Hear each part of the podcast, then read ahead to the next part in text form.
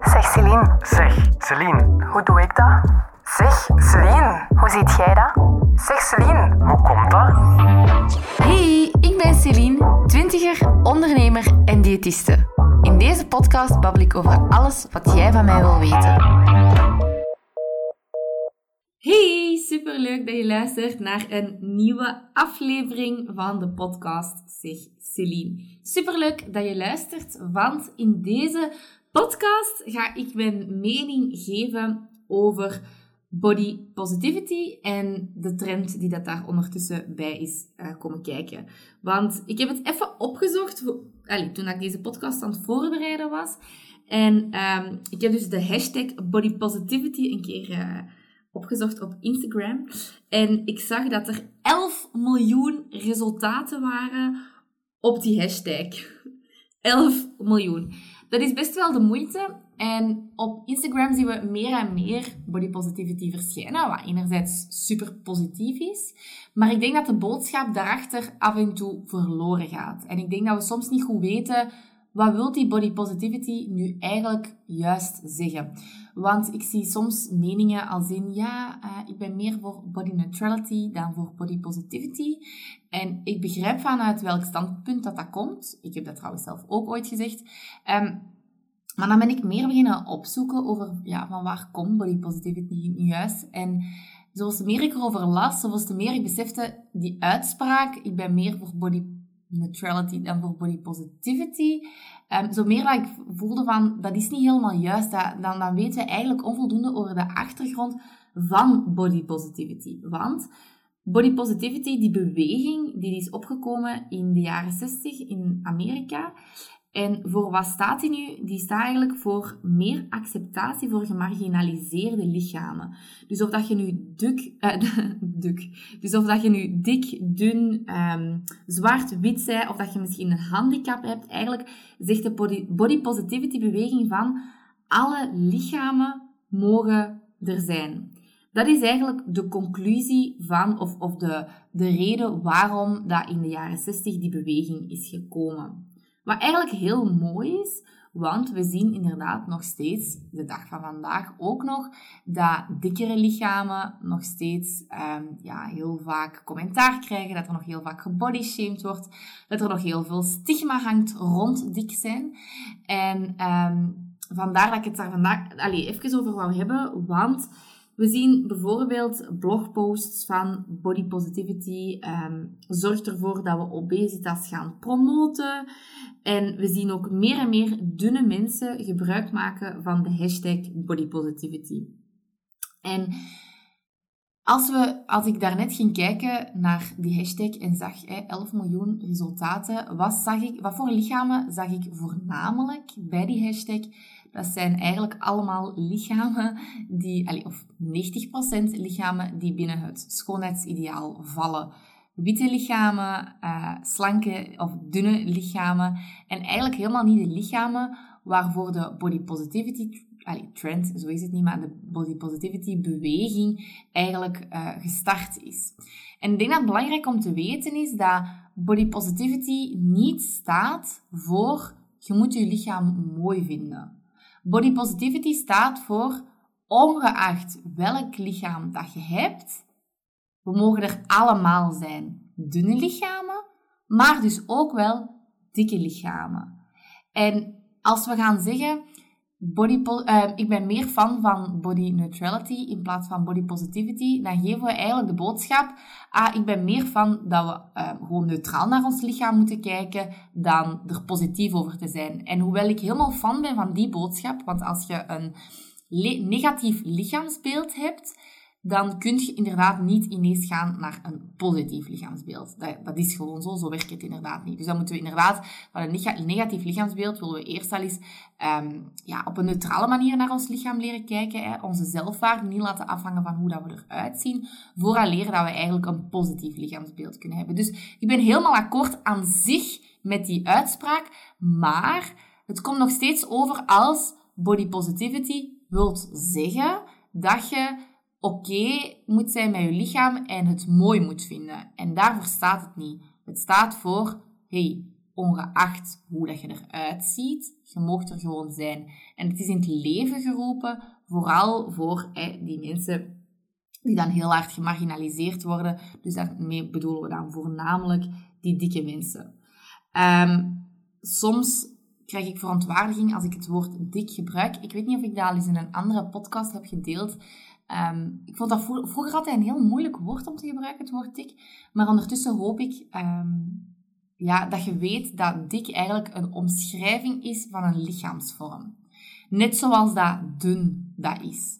En ehm, toen ik mijn boek aan het schrijven was, dat is ondertussen uh, een jaar geleden, toen gebruikte ik altijd het woord dik, want dik was voor mij al gewoon iets neutraal. Ik vond dat niet slecht, uh, het woord dik. Dus ik koppelde dat niet aan iets negatiefs. Maar ik, ik durfde het woord dun niet meer te gebruiken. Dus in mijn boek gebruikte ik altijd het woord slank en dik. En dan dacht ik, ja, maar eigenlijk ben ik hier hetzelfde aan het doen met het woord um, dun als dat ik deed met het woord dik. Ik ben daar opnieuw uh, een bepaalde connotatie aan het koppelen. Um, terwijl we ook gewoon dun mogen zeggen tegen een dun lichaam. Bij mij had het woord dun al zo ik legde daar de verbinding met zo het type anorexia. En ik denk dat dat alles, dat is het alles behalve. Dus ondertussen, dun is eigenlijk het schoonheidsideaal. En dik is eigenlijk, ja, hopelijk ooit ook terug het schoonheidsideaal. Of hopelijk, nee, dat is eigenlijk fout gezegd. Hopelijk is er in de toekomst geen schoonheidsideaal meer. En is eigenlijk iedereen gewoon goed. Dun of dik. Maakt eigenlijk helemaal niet uit. Um, want dat schoonheidsideaal dat zorgt er ook gewoon voor dat we onszelf constant vergelijken. En dat we vaak net minder tevreden zijn over ons lichaam, omdat we nu niet kunnen voldoen aan het schoonheidsideaal. Um, dus, dus mijn uitspraak, ik hoop dat dik ooit het schoonheidsideaal wordt, is eigenlijk, met dat, met dat ik het zei, besefte ik nee, want dat is eigenlijk fout. Want dat wil opnieuw zeggen dat dan de dunne mensen eruit gaan vallen. Dus dat is eigenlijk heel fout. Dus eigenlijk moeten we gewoon vooral af van het schoonheidsideaal. Maar dat is in een ideale wereld en ik denk dat we daar nog heel ver afstaan op dit moment. Nu, wat ik gewoon wel heel frappant vind, is um, als we zien dat bijvoorbeeld dunne mensen alle moeite van de wereld doen om hun vetrolletjes te tonen. En op zich zit daar een hele mooie boodschap achter zijnde, hey kijk, ik ben dun, maar als ik in een bepaalde positie zit, ja, dan heb ik ook vetrollen. Maar het dubbele daarachter vind ik, is dat dikke mensen niet alle moeite van de wereld moeten doen om vetrolletjes te tonen. En dat hun dan opnieuw het gevoel kunnen gaan krijgen van, ja, jij zit daar alle moeite van de wereld te doen om je vetrollen te laten zien, maar als ik gewoon letterlijk op een stoel ga zitten, dan heb ik deze vetrollen. En um, voor mij ja, ik ben niet zo heel hard fan van alle moeite van de wereld doen om je vetrollen laten, te laten zien. Ik ben wel fan van gewoon als je een foto trekt waar dat je je cellulitis op ziet of je vetrolletjes van nature op ziet, zonder dat je er moeite voor moet doen om die ook te laten zien. Anderzijds ben ik hier nu ook al de hele tijd al bezig over uiterlijk en mijn grootste bedenking bij die body positivity beweging is ook wel gewoon het draait opnieuw rond uiterlijk.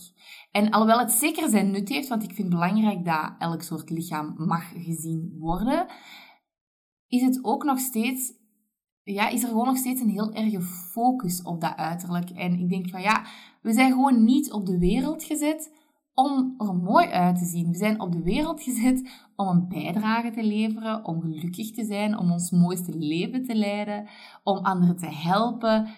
Maar in hoeverre is mooi zijn zo'n belangrijke rol geworden. Um, dus, dus ja, die hashtag, ik ben fan, maar ik ben minder fan geworden omdat hij zo misbruikt wordt, omdat het zo trending is, terwijl heel de boodschap achter body positivity, die gaat eigenlijk op dit moment verloren. Want we zien heel weinig onder die hashtag dan ja, de lichamen waarvoor het eigenlijk um, bedoeld was.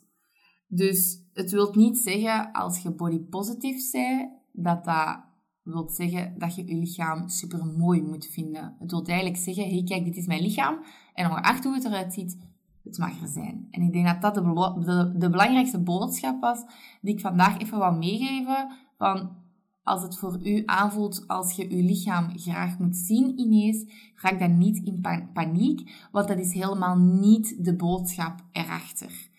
Struggelt je heel hard met je lichaamsbeeld?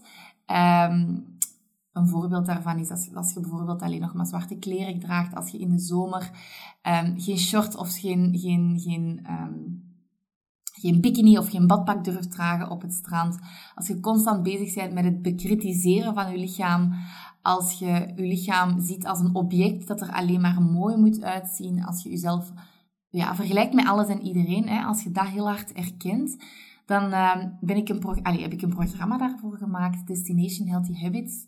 Die deuren die gaan um, binnen een paar weken openen. In februari, eind februari openen die. Daar zijn een beperkt aantal plekken voor en dat is de enige manier om live coaching van mij te krijgen in het jaar 2023.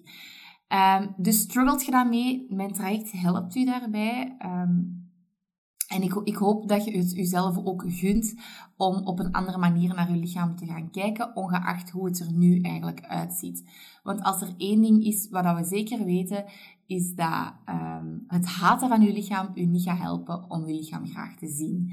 Want dat doet je misschien al wel heel leven, maar dat is duidelijk niet hetgeen dat u heeft geholpen, want anders waart je nu wel zelfzeker en dat is misschien niet.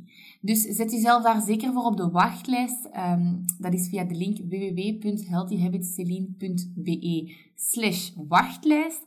En als je daarheen gaat, dan kom je meteen op de wachtlijst terecht en dan krijg je als eerste alle info die dat je moet weten over mijn traject Destination Healthy Habits. Het is trouwens een traject van zes maanden, dus het is ook mijn meest intensieve, maar ook meest life-changing traject. Dus ik hoop u daar van harte ja, in terug te zien.